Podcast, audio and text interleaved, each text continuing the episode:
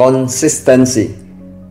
Kata konsistensi sering dipakai di berbagai training pengembangan diri atau di buku-buku personal development karena topik ini sangat erat kaitannya kepada dream kita, impian.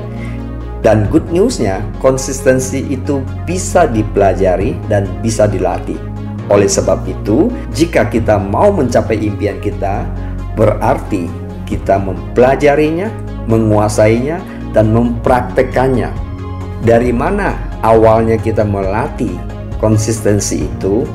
Berawal dari mengenal dulu impian kita dengan sangat jelas, crystal clear about our dream. Kalau kita tahu persis impian kita sangat jelas dan kita meyakininya, sehingga itu akan menimbulkan satu komitmen dalam diri saya untuk melatih. Jika kita tidak jelas impian kita, maka kita tidak punya alasan yang kuat untuk konsisten. Itu bukan satu pekerjaan yang ringan. Karena permainan mental di sini dibutuhkan satu kematangan mental yang luar biasa. Contoh, misalkan kalau di kota besar gitu ya, ada namanya gym tempat fitness gitu katakanlah Januari biasanya lebih ramai oke okay? memasuki bulan kedua Februari apalagi Maret sedikit turun-turun lebih turun dibandingkan di awal Januari tadi kenapa ini adalah fenomena resolusi tahun baru biasanya di awal tahun sering orang membuat resolusi Salah satu resolusi yang umum adalah turunkan berat badan. Dan apa yang terjadi? Begitu antusiasnya dengan resolusi mereka di awal tahun mereka latihan latihan latihan. Ternyata otak kita tidak bisa menerima sesuatu yang tidak nyaman. Ini ilmiah. Pada saat tidak nyaman itu terjadilah satu penolakan. Seperti saya bahas di video sebelumnya yaitu pada saat saya bahas habit, saya mengupas di situ bahwa otak kita memang tidak bisa menerima sesuatu yang tidak nyaman dan ada terjadi resistensi. Resistensi terjadi, kita mulai mencari alasan untuk tidak ke gym lagi. Apakah itu dengan alasan hujan, alasan misalnya terlalu banyak kerjaan, lembur, dan mungkin terlalu capek.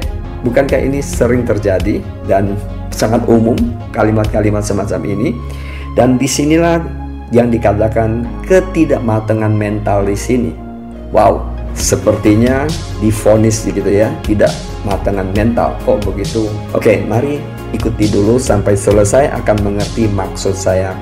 Apa yang dimaksud dengan ketidakmatangan mental di sini? Tadi kan ada good news. Nah, sekarang bad newsnya tentang konsistensi ini. Bad newsnya adalah pada saat sebelum kita mencapai satu tingkat namanya konsisten, akan terjadi satu resistensi di sini, yaitu pada awal kita memulai belum kelihatan hasil. Contoh, misalkan saya membuat goal menurunkan berat badan saya 5 kilo dalam 3 bulan, katakanlah seperti itu. Saya mulai mengikuti petunjuk diet dan olahraga. Hari pertama setelah olahraga, diet, dan saya bercermin apakah ada hasilnya, atau saya timbang berat badan saya apakah ada hasilnya, belum kelihatan. Hari kedua sama, hari ketiga sama, hari ke sepuluh sama, dan bahkan bisa jadi setelah satu bulan belum kelihatan hasil. Dan di sinilah sering orang give up dan mereka menyerah dan berhenti. Karena kenapa? Karena tidak nyaman.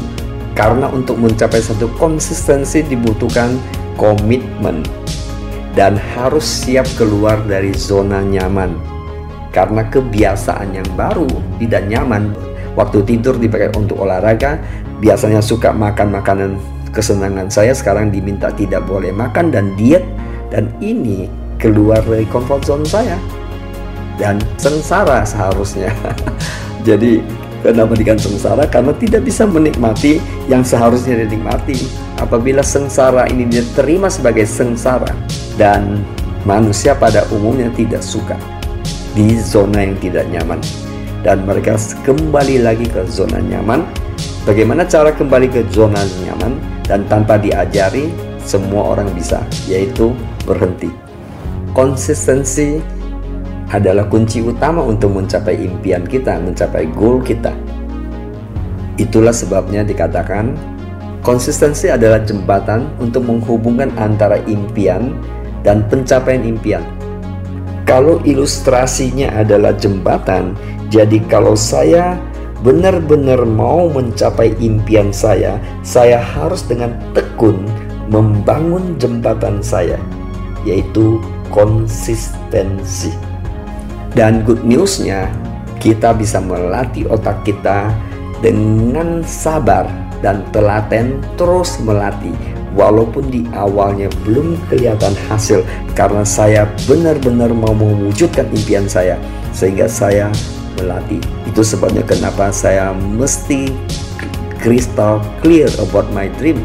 Harus jelas dan yakin dan di sinilah akan melahirkan hal-hal yang sangat positif dan luar biasa.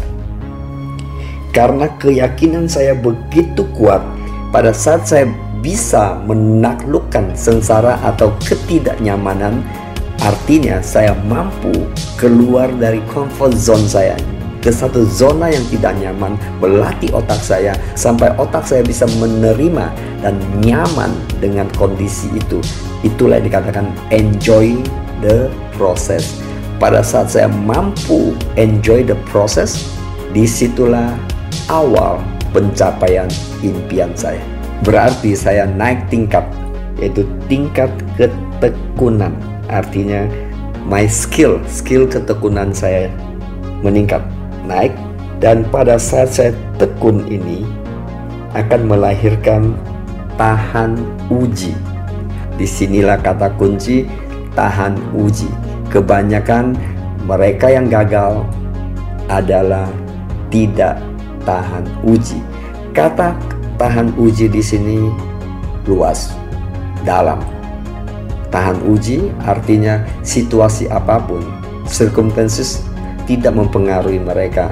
Sebenarnya apa definisi konsistensi? Kan definisi konsistensi itu adalah kemampuan untuk terus-menerus gigi dalam mewujudkan setiap hal atau target yang telah ditetapkan.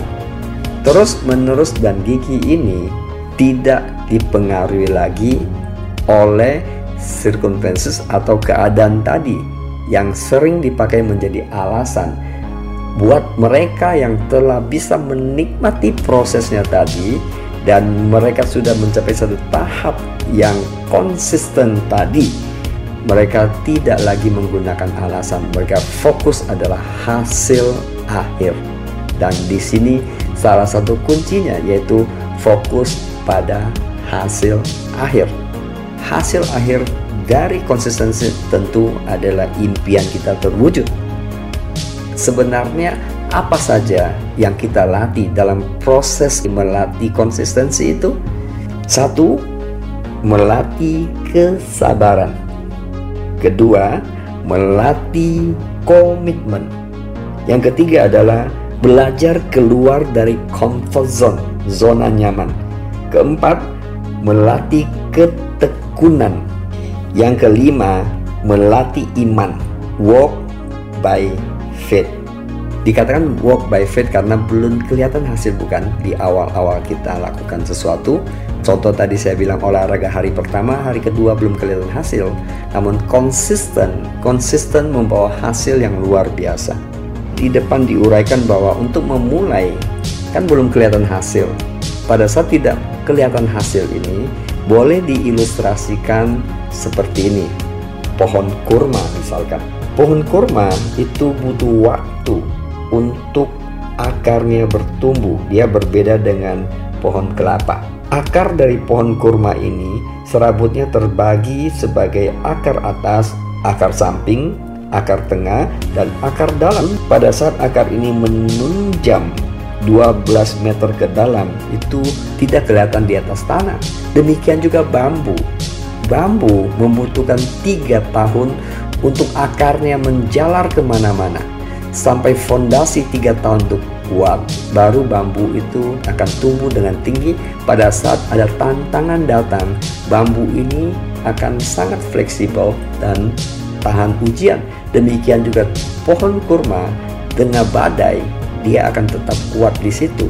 Karena kita tahu bahwa pohon kurma rata-rata hidupnya di padang pasir yang di mana badai kencang dia tetap kuat kenapa karena akarnya dalam di situlah prinsip konsistensi pada saat awal memang kelihatan belum ada hasilnya, tapi kita lakukan terus, terus, terus, terus, terus, dan hasilnya fantastik. Di situlah pada saat seseorang bisa berhasil melakukan sesuatu hal secara konsisten, di situ terjadi satu kematangan mental. Menarik bukan? Ayo mari kita melatih konsistensi dan capai impianmu. Thank you for watching. Bye.